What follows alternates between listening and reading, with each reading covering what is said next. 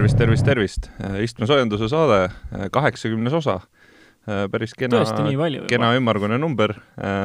mina olen Jan-Mattias Mandri siis kaheksakümnendat korda ja ja minuga on saates Veli, aga Veli vist päris kaheksakümmend korda ei ole olnud, meil on siin mingi ikka jah, mul on veidike, veidike, veidike vähem jah, aga aga noh, aga noh, teeme teised kaheksakümmend veel ja, ja siis on nagu Velil ka ilusti kaheksakümmend korras aga täna alustame sellise huvitava teemaga, mis äh, hästi paljudest kohtadest on juba läbi käinud ja millest inimesed on palju rääkinud, äh, see ohjeldamatult põlev Tesla, mis siis äh, isejuhtivalt jälle teelt välja sõitis ja, ja põlema läks ja kaks inimest sai surma. et traagiline uudis ja, ja mis me sellest kõigest võime siis välja võtta, on, on tegelikult kolm asja minu hinnangul.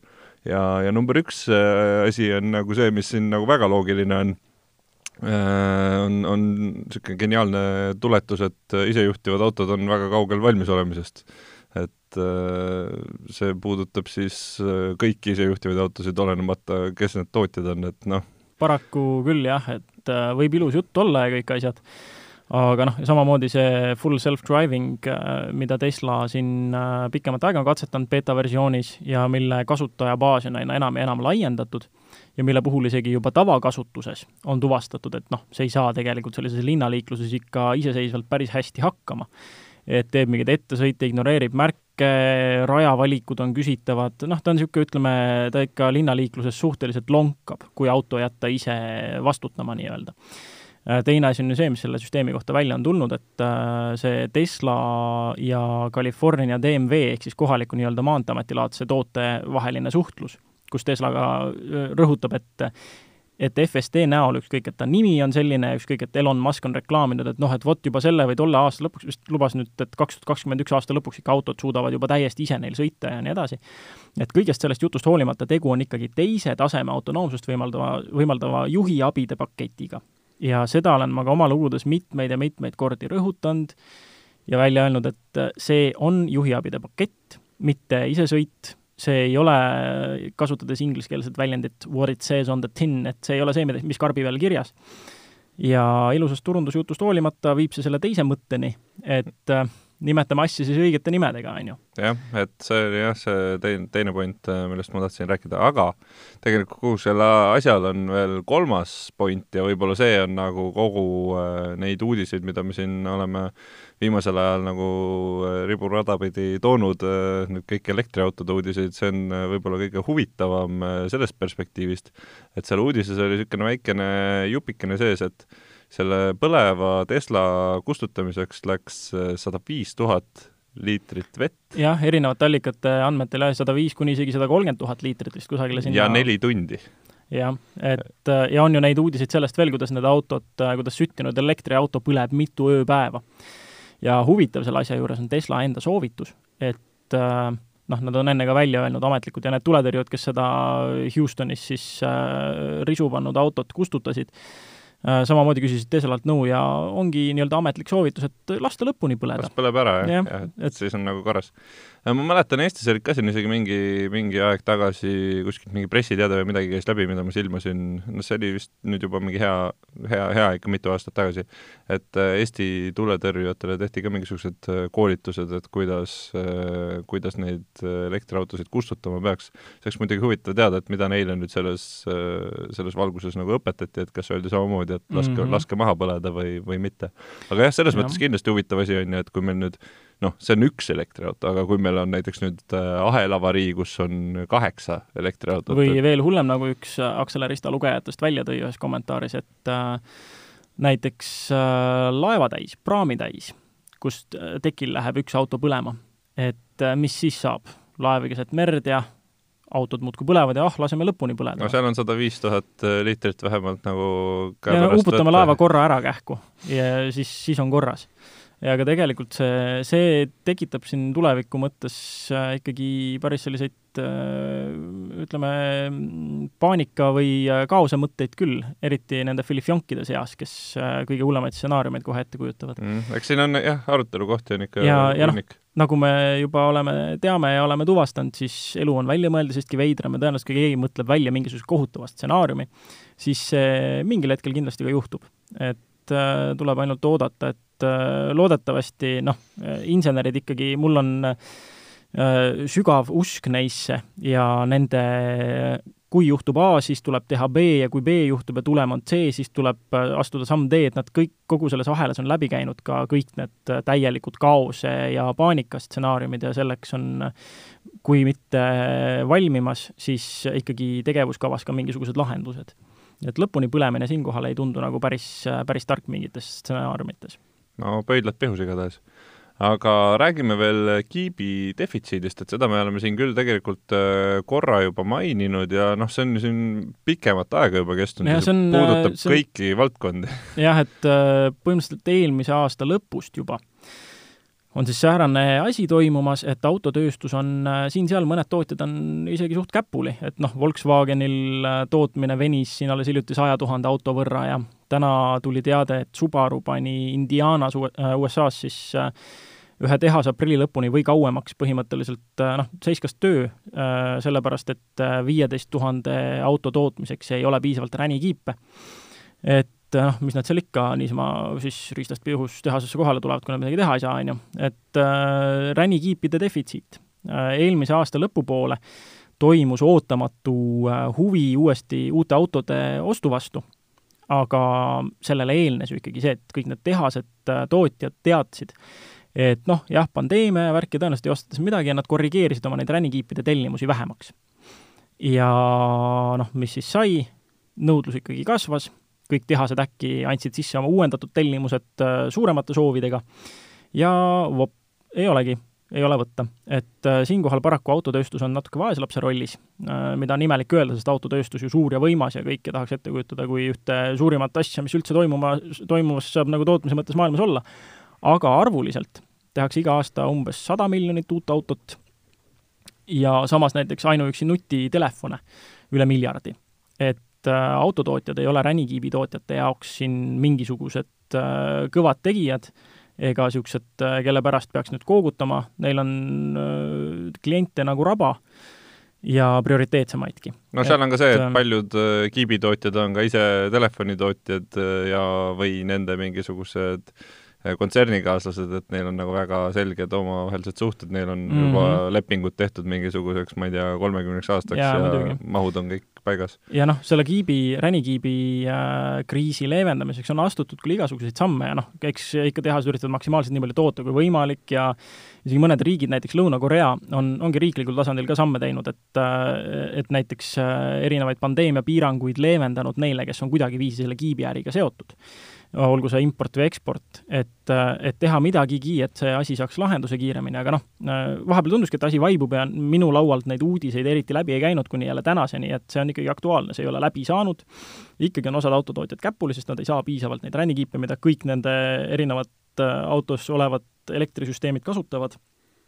Ja noh, ja nii ongi, et äh, sadu ja sadu tuhandeid autosid laias laastus jääb õigeks ajaks tootmata kümneid ja kümneid tuhandeid inimesi noh, saadetakse kas sundpuhkusele või äh, ma ei teagi, koondamiste kohta ma ei ole mingit statistikat küll näinud, aga kindlasti ka see ei ole siin noh, kindlasti on ka koondatud inimesi selle tõttu, et äh, suhteliselt laiaulatuslik asi ikkagi, mis jätkuvalt kestab mm. -hmm aga nüüd siin ongi paslik rääkida ühest autost, mis siin äh, mingi aja pärast tulemas on ja kes nüüd teab, et kas kas seda, siis õigeks ajaks või mitte. kas see ka toodetud kunagi saab, et kui see kiibi defitsiit siin edasi samamoodi läheb, aga, aga see puudutab siis Volkswageni äh, võimekamaid elektriautosid ja nüüd teatate siis sellest, et missugust nimetust need sportisendid hakkavad kandma ja see tähevahend, millega neid hakatakse tähistama, on siis GTX mis ei ole nagu väga väga no, tavapäratu. jah, seda on siin ja seal igal pool, aga noh, Volkswagenit teades siis äh, noh, GTI on olnud pikalt-pikalt äh, kaheksakümnendatest, et siis äh, mis siis nüüd võtta ja tehagi moodsalt siis noh, GT, me teame, mida see tähistab, on ju, võtame nüüd, asendame siis mingi tähe neist sellise futuristliku või äh, ütleme siis äh, tulevikku tähistava tähega, mis siis saaks parem olla X, Y või Z või midagi säärast et ootame, millal täpitähed kasutusse lähevad. GTY oleks muidugi olnud huvitav.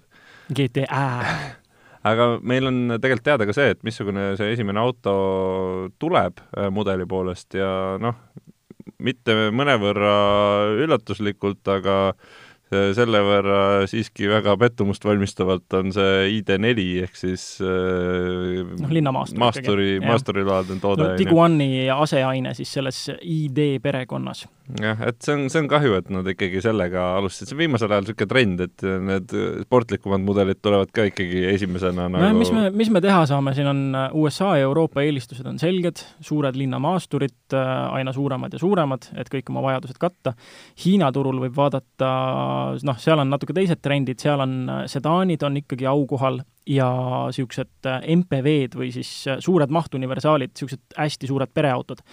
et seda teades siis noh, siin Volkswagen laiendab ka oma seda ID perekonda, et alles siin Shanghai autonäitusel eile vist näidati nüüd seda ID6 prototüüpi siis mis on põhimõtteliselt äh, nelja koma kaheksa, nelja koma üheksa meetri vahele pikkusega seitsmekohaline masin, et ongi, ta on äh, veel omakorda kolmsada millimeetrit pikem kui siin äh, praegu väljas olevad ID3 või ID4.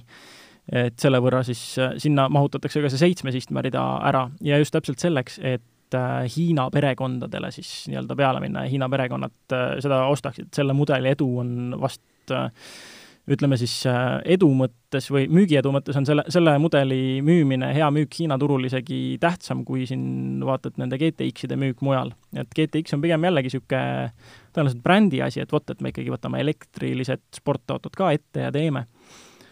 aga jah, puhtalt müügivolüümi mõttes on äh, võib-olla isegi suuremad panused selle ID6 peal aga see ID4-ga seoses tegelikult on mingisugused numbrid ka juba, mis on äh, spekuleerides välja käidud ja, ja on ka aru saada, et millest see sportlikkus siis väljendub, et kui me siin nende tavaliste äh, samale platvormile, see on vist M-, MQB on see platvormi nimi, kui ma õigesti mäletan, siis äh, need on pigem tagaveolised autod, siis äh, siin nüüd äh, sellele GTX-ile pannakse elektrimootor ka esisilda ja see muudab ta siis nelikveoliseks ja annab talle kokku umbes täpselt niisugune kolmsada hobujõudu. noh, nagu ikka need Volkswageni kiiremad masinad siin jah, et see midagi erilist ei ole, on ju, et see on, see on enam-vähem tegelikult sama, mis, mis, mis praegu siin sportlikumatel mhm. asjadel mm -hmm. no ongi niisugune jälle Golf R-ide, erinevate R-ide territoorium, et võtavad jälle ette selle nelikveoline ja umbes kolmesaja hobujõuline või natuke peale. et äh, proovitud valem ja tundub, et see inimestele selles mõttes äh, sobib, et äh, et kuigi tööstuse niisugune hobujõu standardarv, standardhulk muudkui läheb ülespoole, et see juhtub ikka siin ajapikku, et ei ole mõtet nagu oodata mingit ulmelist hüpet kohe vast sellest, sellelt mudelilt. no ja lõpetuseks vast see, et täpsemalt saab teada siis kahekümne kaheksandal aprillil ja siis peaks seda ka esimest korda nägema, ehk siis siin nädala aja pärast laias laastus mm. -hmm. Nüüd Äh, räägime meie selle nädala proovisõiduautost, selleks oli siis Hyundai Santa Fe ja me siin äh, juba vihjamisi eelmine kord äh, sellest ka tegelikult rääkisime. noh, mis nii, nii palju vihjamisi, kui sai olla, et et me sõitsime nii Sorento kui Santa Fe'ga ja järgmine nädal me räägime Santa Fe'st, et siis jah, väga, väga vihjamisi, eestlaslikult no, tagasihoidlikult no. vihjasime. ütleme, kui eelmist saadet ei kuulnud, siis nüüd on siis see fakt ka teada, et saab minna eelmisest saatest ka veel kuulata põhimõtteliselt põhimõtteliselt sama auto. ja mis me Sorento, Sorentost arvasime, jah. aga, aga siin äh, oleks tegelikult äh,, olekski mõistlik äh, rääkida sellest, et mis siin Sorentoga nagu võrreldes on, et mingisugused äh, väiksemad numbrid võib ka maha käia, noh, need on laias laastus samad, seepärast et seal väga mingeid äh, olulisi erinevusi ei ole mm. -hmm ühe koma kuue liitrise bensiinimootoriga mootorid jälle. hübriidajamid, on ju, ja kahe koma kahene diisel. jep ja sel korral siis me, noh, meil sattuski nii, et Sorento oli hübriidajamiga ja Santa Fe oli siis diisel. et sai siin võrrelda jälle, et äh, nii-öelda tulevikku ja minevikku justkui mm -hmm. selle koha pealt äh,, mootori koha pealt. et ma ei tea, kuidas sulle, kuidas sulle nende ajamite koha pealt tundus, kumba sa eelistasid? mina oleks võtnud nendest äh, diisli äh,, sellepärast et see, võib-olla see, see oli pistikhübriid äh,, seega ma ei tea, et kas mulle sinna mingisugust nagu särtsu veel sellises mahus jäi, et pistikhübriididega on ikka see, et kui nad nagu värskelt on äh, seinast tulnud, siis on nagu justkui väga öko, on ju. ja siis on neil ka seda minekut tavaliselt rohkem mm, -hmm. et, et kui see, kui see hübri-, pistikust tulnud särts nagu otsa hakkab saama, siis hakkab ka kogu see kulgemine uimasemaks see on väga paljudel masinatel nii, et standardiks on saanud äh, paljudel tootjatel, et äh, need nelikveolised linnamaasturid, mis on siis hübriidajamiga, et neil siis äh, tagatelge käitab ainult see elektriajam ja noh, jah, tõesti, kui vurts otsa saab, siis tagatelje vedu lõpebki, et ma olen seda tajunud siin mitme-mitme masinaga, et äh, olid siin küll Toyota kontserni omad, et äh, Lexuste ja Toyotadega, millel tagatelg äkki lihtsalt lõpetab töö, et talvel ka libedaga ei saa kuidagiviisi enam mingit, noh, lihtsalt tagatelg ei vea, ei olegi midagi teha.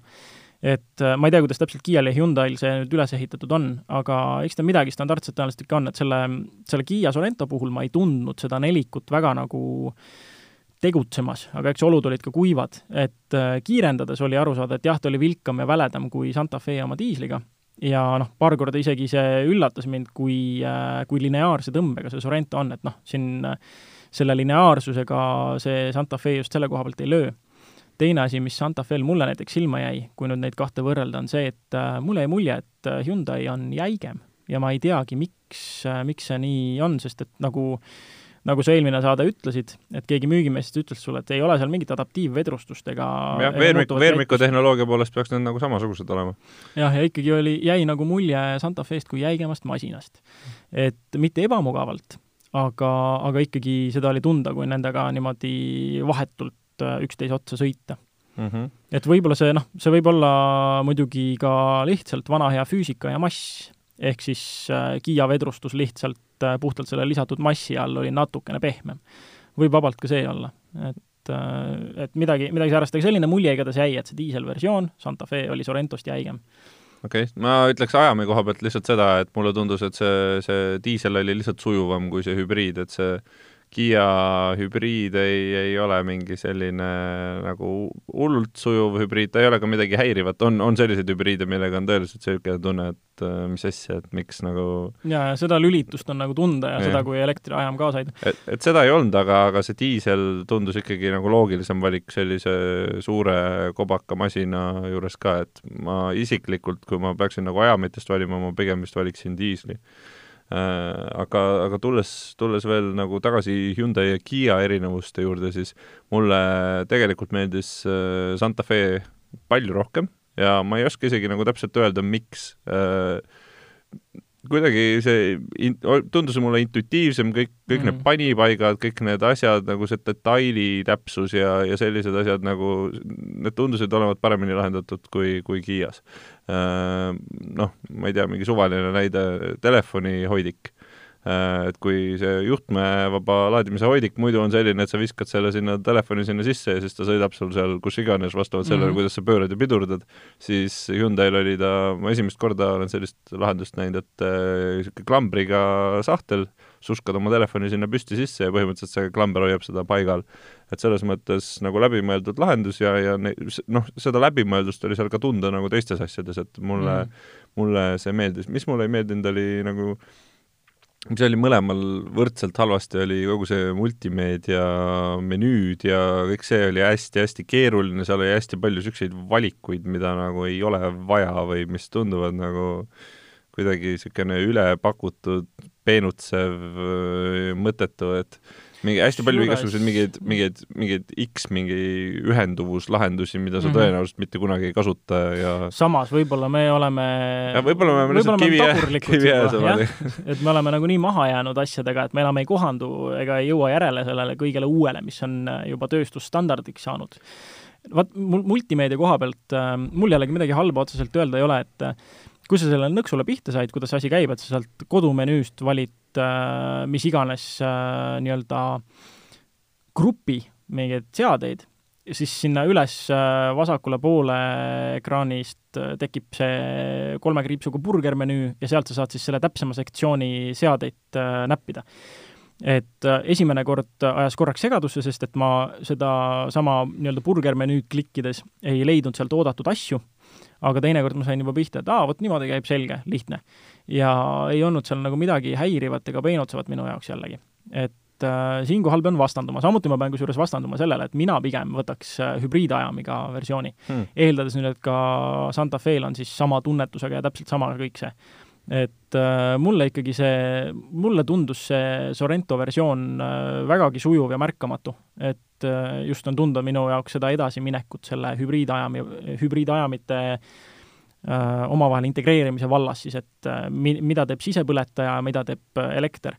Et niisugune sujuvus, et mõned, mõnede masinate puhul seda hübridiseerimist sa tunned, see on ikkagi lapsekingades mm, -hmm. noh, nagu sa mainisid, jõnksutavad teevad ja niisugune ootamatu, äkki on sul sisepõlemismootori pöörded üleval, äkki on täielik vaikus, mingi jõnksutamine käib muudkui, mingid imelikud hääled, vahepeal on nii vaikne, et sa noh, ühesõnaga e, igasuguseid erinevaid äh, asju on ja minu arvates Kiia selles mõttes negatiivselt silma ei jäänud, eeldades, et Santa Fe on oma hübriidkonfiguratsioonis sama hea, siis ma eelistaks isegi seda hästi lineaarne, hästi sujuv ja niisugune isegi võiks öelda, et äh, kuni linnakiiruseni ka vilgas, kuniks sul on äh, seal akus vurtsu.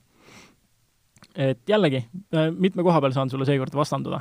peaks selliseid sõsarautosid veel proovi võtma, sest see oli, see oli selles mõttes väga huvitav eksperiment jah, et nagu noh, päris selliseid ülekantavaid masinaid nagu ei ole olemas, aga sellega oli tõesti see, et istud teise autosse jah, just see, et meil oli samal ajal autod ja siis mm -hmm. nagu vahetasime need ära ja siis istud teise autosse, mis asja, et kas me yeah. nagu ajasime midagi sassi või yeah, mis, mis toimub et selles mõttes, aga, aga tulles tagasi nende igasuguste mingite imelike nimedega digilahenduste juurde, neil on alati mingid hästi futuristlikud nimed ka, mingi Hyundai Cloud Connect või mingi niisugune asi, on ju. no kõik peavad eristuma üksteisest. see ongi, aga see ongi, see ongi see, see on segadusse ajav tõesti. olles ka inimene, kes nagu ise igapäevaselt tegeleb äh, kõiksugu kasutajaliideste või niisuguse kasutajakogemusega, siis sa ei saa nagu loota seda, et sa teed oma autosse nüüd mingi viis erinevat äh, veidra nimega rakendust ja siis keegi inimene viitsib need selgeks õppida, mis need on, ja siis tõmmata oma ja. telefoni veel viis nagu erinevat rakendust, et nad ühenduksid ja teeksid seda ühte mingisugust funktsiooni, mille jaoks mõeldud on. et mul on alati sellised asjad autode puhul nagu närvidele käinud. Et... no pluss, kui me noh, meil Acceleristaga ju on üks äh, asjadest, mida me teeme, on ka erinevad pressiteate tõlkimised ja seal ka kõik see, mis tuleb ja see, kuidas ongi jälle, jälle mingi uus toote nimi, noh, neid väga palju erinevaid tootjaid käib laua pealt läbi, on ju igal ühel on mingi erinev nimi, erinev teenus, erinev asi ja siis sa pead, mõne, mõned tahavad, et sa tõlgiksid selle teenuse eesti keelde, mõned tahavad selle jätta ingliskeelseks, hästi segadusse ajav, et, äh, et äh, jah, paraku, paraku nii on ja ega noh, aga samas ei saa nagu autotootjaid siin selles süüdistada, et nad jah, nad peavad eristuma mina süüdistan, teeme asju lihtsalt ja, ja teeme asju loogiliselt, tehke Android auto, kõik kasutavad, kõigil on nagu happy days ja ja nii ongi et äh, see, see segab mind äh, paljude autode puhul ja ma ei tahaks nüüd seda küll lõpunoodiks jätta, aga, aga see oli siin ka Santa Fe puhul üks asi mm. -hmm. aga mis meil veel rääkimata on, äh, noh, okei okay,, me rääkisime siin ah vot, viimistlusmaterjalid, selle sai eelmises saates ka välja tuua ja see vist lihtsalt näitas sinu ja minu erinevat lähenemist äh, ütleme, erinevate kohtade viimistlusmaterjalidele, et mida keegi märkab, et mina märkasin seda, mis mul on roolil ja näppude all esimesena, ja seda, mis sõitjate ruumis siin nagu ümbritseb või kusagil tagaistmel on, seda ma nagu märkan suht viimasena. et ja selle põhjal äh, mulle meeldiski äh, Kiia jällegi rohkem. et äh, sul oli vist hoopis vastupidi jah, mulle meeldis Hyundai, aga sinu lohutuseks ma võin öelda, ma vaatasin täna neid varustuse nimekirjasid veel eriti põhjalikult ja kõige kangemas varustuses sa saad äh, roolile ka Hyundai'l äh, perforeeritud äh, siis mingisugused nahamaterjalid. ja, ja, ja. et õhk ikka ilusti läbi käiks ja, ja siis on, siis on sul ka mm -hmm. no arvata on jah, et seal, seal seda varustust jah, kõvasti jagub, et noh, kuna jälle kord nüüd järgmise saate proovisõiduauto sattus olema samuti Hyundai siis sellel jällegi jah, ma sain tunda neid samu mõnusaid äh, metallist äh, nupukesi seal äh, no sinna, sinna me jõuame veel, me, me nüüd nagu eelmises no, saates hakkame üritame ette seda, mis järgmisena tuleb, et ka järgmine saab olema sel korral üks Hyundai ja natuke kiiremate killast seekord aga jah, kas me saame teha mingi kokkuvõtte selle Santa Fe kohta ja Sorrento kohta võib-olla ka siis, et saame, mulle meeldis, mina võtaks diisli, äh, võtaks Hyundai ja, ja ja oleks õnnelik. asi oleks ants jah, sest tegelikult on ju see, et ta seitsmekohalise autona mõlemad täidavad ikkagi niisuguse suurema pere vajadused, ütleme, Hiina turu inimesed oma suurte peredega on kindlasti rahul ja nõus. no jah, mõlema auto puhul on boonus ka see, et hästi suur iluvõre on ees, et see ka hiinlastele väga peale, meeldib et.... jah, seetõttu BMW keribki sinna suunas, kuhu ta kerib, on ju, oma neerudega et mina tegelikult ei äh, leidnud kummagi masina puhul mingisuguseid, äh, ütleme siis, deal breaker eid. et äh, kui mul oleks vaja sellist pereautot, siis äh, kummalgi masinal ei olnud mingisuguseid funktsioone või äh, mingeid kiikse või asju, mis paneks mind mõtlema, et ei, ei, see ei lähe. et mõne auto puhul on nagu nii, nii selge see, et sul on mingisugune üks asi, see võib muidu olla nagu väga hea asi, väga hea toode, aga sul on seal mingi üks asi, mis lihtsalt nagu on täiesti cancel mm. -hmm. siis nende masinate puhul ma seda ei tajunud, et ongi varustust on, saad valida nii palju, kui tahad, need materjalid, mis iganes, pakid kokku endale need, mida sul tarvis on äh,, ruumi on, minekut on, äh, noh jah, ma ei tea, kuidas sul kütusekuluga kokku tuli siin mõlema masinaga sõites, mäletad sa? Äh, ma minu mäletamist mööda see oli kuskil seal üheksa-kümne ringis, et see on nagu täiesti, täiesti okei okay, okay. sellise suure mm -hmm. auto puhul. jah, täpselt. et, et ongi, kui siin korrata eelmises saates välja öeldud asja, et siis ainuke asi, mis mõndadele mm, võib-olla saab äh, siin showstopperiks igapäevaautona kasutamise juures, kes seda kasutavad ka näiteks mingisuguse haagise või asja vedamiseks, siis on see, et et hübriidide see veovõime on äh, pisut langenud. aga jällegi, selleks on diisel olemas oma väendega. ühesõnaga ja... veel üks pluss diislile äh,, ehk mm -hmm. siis äh, lähme ikkagi diisliga ja, ja diisel äh... diisel ei ole veel surnud et ma arvan jah, sellega võime selle, selle sektsiooni lõpetada ja liikuda nädala automõtte juurde. ilus mõte ka lihtsalt niisama mõtlemiseks eraldi, eraldiseisvalt sellest proovisõidust. jah, aga nädala automõte sel korral äh, täna juba siia sõites ka jälle on aina enam märgata seda, et kevade kuulutajad ehk siis igasugused kaherattalised on jälle väljas mm. -hmm. ja mina kutsuks üles siin äh, jälle äh, vana hea niisugune, ütleme, demokraatlik mõte, arvestame üksteisega. et, et olles liige nii autogruppides Facebookis kui ka jalgratturite gruppides, ja nähes vahepeal seda viha, mis üksteise vastu rõhutatult üles näidatakse, on ju, siis tegelikult on ikkagi see, et äh, jah, igas grupis on omad mingisugused ekstremistid, see on alati nii olnud ja nad tõmbavad kogu selle oma nii-öelda agenda mainet alla selle oma ekstremismiga mm. -hmm. annavad asjale halva maitse juurde, on ju. et samamoodi on, samamoodi nagu on jalgratturitega, kes teavad väga hästi oma õiguseid, aga unustavad ära oma kohustused siis noh, kes äh, jätavad siis jalgratturitest halva mulje ja noh, need on siis üldjuhul, äh, kasutame siin äh, nimetust kileviinerid. ma arvan, et nad on selle tõesti ära teeninud, maanteeratturid oma selga venitatud liibukates, kes noh, teevadki põhimõtteliselt see, sõitu selle lähenemisega, et neil on nüüd õigus ja keegi ei tohi kobiseda võtame nüüd seda suhtumist tagasi, autojuhid samamoodi, jalgratturid teevad oma asja, las nad sõidavad. Äh,, näiteks autojuhina mina, mis ma alati teen, kui ma näiteks näen, et äh, mulle tuleb vastu liikluses, vastassuunas siis jalgrattur, ja tema taga on ka jõudmas mõni auto, kes on siis minuga paralleelselt tõenäoliselt sellel möödumise hetkel ja jalgratturiga, siis alati autojuhina ma soovitan, kellel iganes niisugune situatsioon on, võtame kohe oma teel, kui kannatab, siis oma sõidusuunas nii paremasse suunda kui võimalik, et kõik kolm mahuksid üksteisest turvalise distantsiga mööda. ma väga harva näen, et mõni teine autojuht äh, seda lähenemist kasutaks ja ma ei saa aru, miks. see on nii loogiline intuitiivne asi tegelikult, mida teha. jällegi selline asi, et sa näed, et selline situatsioon tuleb, arvestame siis äh,. mootorratturitega ma olen kohanud autojuhtide poolt sellist suhtumist, et Äh, et see, et nad tulevad nüüd äh, a la punase foori taga ja autode vahel sinna ette trügivad ennast, et see on nüüd kuidagi paha-paha ja ei tohiks läbi lasta ja mis nad siin suruvad.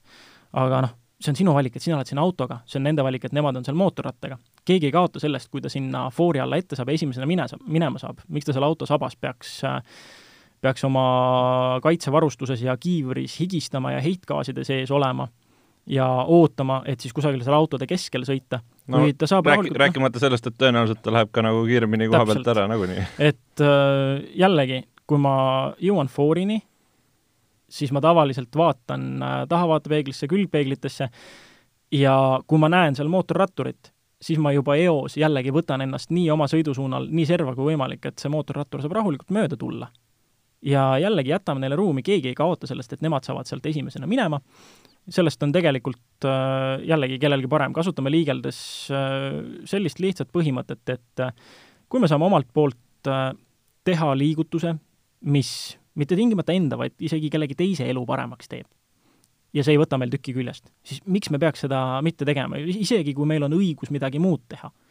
samamoodi nagu kui kusagil jalakäija jookseb mul auto eest üle tee mingis kohas, kus ta ei tohiks seda teha. see ei tähenda, et no mul on õigus, ma ei pidurda ma ei lase teda nüüd üle, ma sõidan talle otsa, sest mul on õigus. see on umbes sama lähenemine, mis, no mis teha? ta tegi lollisti, aga kas ta tegi nii lollisti, et nüüd ta peaks selle pärast nagu tõsiselt viga saama? Vahepeal võib teha asju, mis jällegi, see pidurdamine sel hetkel ei võta mul tükki küljest, samamoodi ka need väikesed viisakused. et noh, hästi lihtne on liiklusele läheneda niimoodi küüniliselt ja mõeldagi, et kõik on jobud ja värdjad ja teevad lolluseid ja ainult mina olen see õige, kes liigelda mõistab. Vaata ka fenomeni, igaüks, kes sõidab minust aeglasemalt, on idioot ja igaüks, kes sõidab minust kiiremini, on hullumeelne. et äh, see, ma arvan, et see kokkuvõttev mõte võikski olla, et äh, ikkagi jälgime, arvestame ja kui see meil tüki küljest ära ei võta, siis teeme ka teiste inimeste liiklemise lihtsamaks. praegu on eriti selline aeg, kus äh, meist nii-öelda nõrgemad, ehk siis kaherattalised, kes autoga kohtudes tõenäoliselt ei võida, on, on liikluses, paneme neid tähele, samamoodi nagu noh, nemad äh, võivad siin tulla ja teha ja noh, ütleme tõesti on, kui on ka neid, kes jäävad negatiivselt silma ja ajavad ainult oma neid õiguseid taga, siis nojah, mis teha, eks äh, nende see kord tuleb, kui neil ikkagi midagi kehvasti läheb ja nendest õigustest neil enam nagu midagi kasu ei ole, aga samamoodi autojuhid ei lähe siin endast tugevamate näiteks rongidega jõudu katsuma, isegi kui kuidagiviisi võiks olla situatsioon, kus sul autojuhina on õigus. ma ei tea, mul ei tule midagi sellist silma ette, aga aga pikk jutt, äh, nõme jutt, arvestame teistega jah, ühesõnaga sellise, sellise mõttega on nagu keeruline mitte nõustuda ma arvan, et, ma arvan, et see on äh, siin väga, väga ilus lõpetus sellele saatele äh,. aitäh teid kõiki kuulamast äh,, võite meile kirjutada, joonistada, me hea meelega kirjutame, joonistame vastu ja järgmisel nädalal siis kuuleme uuesti. aitäh!